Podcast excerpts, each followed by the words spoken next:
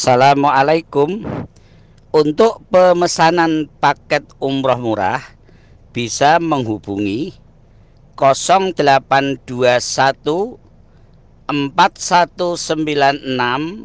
0857 Kami ulangi sekali lagi Untuk pemesanan paket umroh murah Bisa menghubungi 0821 4196 0857 Sekali lagi 0821 4196 0857 Terima kasih.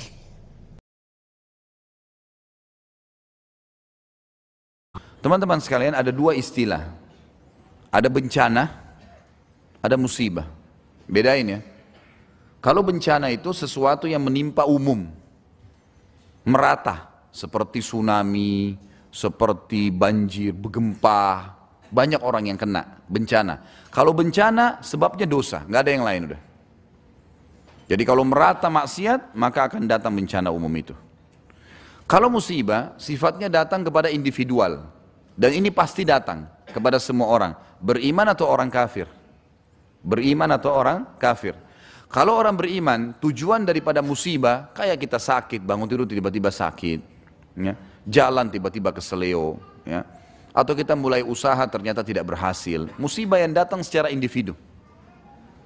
Maka ini kalau orang beriman tujuannya untuk membersihkan dosanya, meninggikan derajatnya, dan mengikat dia dalam ketaatan kepada Allah. Saya kasih contoh. Kalau orang beriman teman-teman sekalian, kata ulama dirincikan misal Allah yang maha pemurah ingin agar orang ini mendapatkan derajat tinggi di surga. Ada derajat kita nggak bisa jangkau kecuali dengan 100 tahun ibadah. 100 tahun puasa, 100 tahun sholat malam, 100 tahun bakti dengan orang tua, 100 tahun mungkin berjihad. Tapi Allah dengan kemahamurahnya tahu kalau hamba ini orangnya baik nih. Allah mau kita sampai derajat itu. Umur kita cuma 70 tahun. Padahal harus ibadah 100 tahun. Dari 70 tahun mungkin ada waktu lalai, ada waktu masa sebelum balik, ada waktu untuk tidur, segala macam. Anggap dari 70 tahun itu cuma 30 tahun kita ibadah. Tapi Allah dengan kemahamurahannya ingin kita sampai derajat itu. Gimana caranya? Allah datangkan penyakit untuk dia 10 tahun. Kena penyakit gula, kena stroke, kena penyakit apa gitu. Coba, berapa kali buka usaha gagal, istrinya hamil keguguran berapa kali. Ada cobaan-cobaan datang. Kalau dia faham cobaan itu semuanya untuk meninggikan derajat dia nanti di surga, maka semua akan diterima. Ini sesuai dengan sabda Nabi SAW, orang akan diuji berat ringannya sebuah musibah dari kadar imannya. Dan kata Nabi SAW, aku orang yang paling berat musibahnya. Dalam riwayat Bukhari yang lain dikatakan, kalau aku ditimpa penyakit, maka akan double dari apa yang kalian rasakan. Sampai Abdullah bin Mas'ud radhiyallahu pernah memegang tangan Nabi SAW waktu beliau sedang demam. Abdullah bin Mas'ud mengatakan, aku langsung melepaskan tanganku dari tangan Nabi SAW karena panasnya. Luar biasa, tidak normal. Jadi kalau manusia 40 derajat, mungkin Nabi SAW 80 derajat panasnya, double. Padahal Nabi SAW utusan Allah. Untuk apa Nabi SAW dicoba teman-teman sekalian? Peninggian derajat. Peninggian derajat. Ya. Karena di surga pun ada persaingan para nabi-nabi. Ingat hadis Bukhari yang berbunyi, kalau kalian dengarkan muadzin ucapkan seperti apa yang diucapkan oleh muadzin. Lalu bacalah salawat untukku, karena siapa yang membaca salawat untukku maka dia akan mendapatkan eh, akan mendapat akan diberikan salam oleh Allah, karunia, rahmat dari Allah 10 kali. Dan mintalah al-wasilah untukku. Karena dia adalah tempat tertinggi di surga, istana paling leks di surga namanya al-wasilah yang tidak berhak kecuali untuk satu orang hamba Allah. Persaingan antara nabi-nabi dan rasul. Antum sama anak nggak bisa masuk di situ. Ya. Siapa yang meminta al-wasilah untukku, dia akan dapat syafaatku. Ulama hadis mengatakan ini persaingan para nabi-nabi. Jadi ada masih ada yang di, di, dikejar tuh. Ya. Cobaan datang. Nabi SAW dicoba meninggal Khadijah radhiyallahu anha. Meninggal ketiga anak laki-lakinya. Abdullah, Qasim dan Ibrahim. Tiga-tiganya diharapkan menjadi kadar umat, tapi takdir Allah berbeda. Ya. Seperti itulah. Hmm. Anak mantunya, As bin Nabi As, Suaminya Zainab tidak masuk Islam di awal.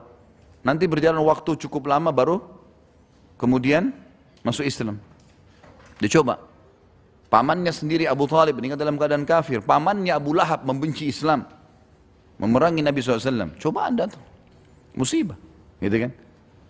Tapi ini jelas bisa dilalui oleh seorang mukmin karena kata Nabi SAW Allah tidak akan mendatangkan musibah bagi seorang hamba kecuali sesuai dengan kadar kemampuannya. Jadi antum harus yakin seberat apa pun musibah datang kepada antum itu pasti untuk pasti antum bisa melaluinya. Peninggian derajat atau pembersihan dosa. Dalam hadis Muslim dijelaskan tidak ada yang menimpa seorang muslim dari capek, letih, sakit, gangguan orang bahkan duri menusuk kakinya kecuali jadi pembersihan dosanya. Kemudian juga pengurungan ya atau membawa seorang mukmin itu pada ke, jalur ketaatan secara mau nggak mau. Misal, seseorang stroke teman-teman sekalian, terfikir nggak pergi ke diskotik, bar, zina, huh? atau antum lagi terlilit utang, sumpek, ya, terpikir nggak untuk buat dosa kira-kira? B, dosa itu datang teman-teman pada saat orang lagi berlihai-lihai, banyak waktu lowong. Ya? Makanya ulama mengatakan untuk menjauhi dosa itu, caranya sederhana, sibukkan diri dengan ibadah sudah. Nanti dosa itu akan tertinggal dengan sendiri, karena dosa itu datang dengan kelalaian. Kalau orang lagi padat jadwalnya, sibuk, kita lagi lembur, punya kerjaan, teman kita ngajak ke mana? Waduh saya lagi ada kerjaan nih, nggak bisa. Kena padatnya kegiatannya. Nah musibah bagi orang mukmin itu untuk memaksa dia, tanda kutip, di rel ketaatan. Kita nggak ada waktu untuk buat dosa. Bisa ditangkap ini? Nggak ada suara, senyap. Entah antum ini faham, tangkap atau ke mana. Mengkhayal boleh tapi di pelajaran kita ya. Jangan ke mana-mana. Jadi harus difahamin ini. Ya. Baik, kalau untuk orang fasik, fasik atau orang kafir, musibah itu, fasik ini siapa? Muslim tapi masih banyak dosanya.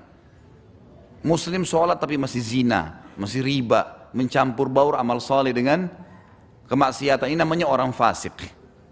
Atau orang kafir, musibah yang datang kepada mereka. Kalau orang fasik untuk membersihkan dosanya, dibantu oleh Allah untuk itu, membersihkan dosanya atau justru untuk ya memberikan kepada dia peringatan. Umumnya orang subhanallah kalau buat maksiat lalu Allah kan cobaan, umumnya itu hatinya cenderung untuk bertobat kepada Allah.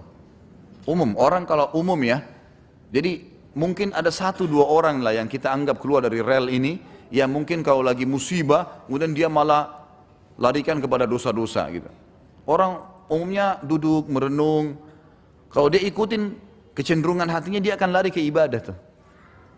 Biasanya nanti lari ke masjid, konsultasi kepada ustadz, mulai kembali ke jalan Allah. Orang fasik. Kalau orang kafir, murni untuk memberikan peringatan kepada dia. Ini pembagian antara bencana dan musibah. Ya. Kalau datang umum berarti itu karena dosa yang merata. Sebagaimana sabda Nabi SAW dalam hadis Bukhari, tidak ada dosa yang merata di satu kaum kecuali Allah juga meratakan hukumannya. Di dalam hadis yang lain juga, kalau ada orang yang berbuat dosa dan dibiarkan tidak dipungkiri maka Allah akan datangkan cobaannya dan nanti semua kena walaupun orang yang ada di situ yang baik pun kena. Nanti Allah akan bangkitkan sesuai dengan kadar niat dan amalnya.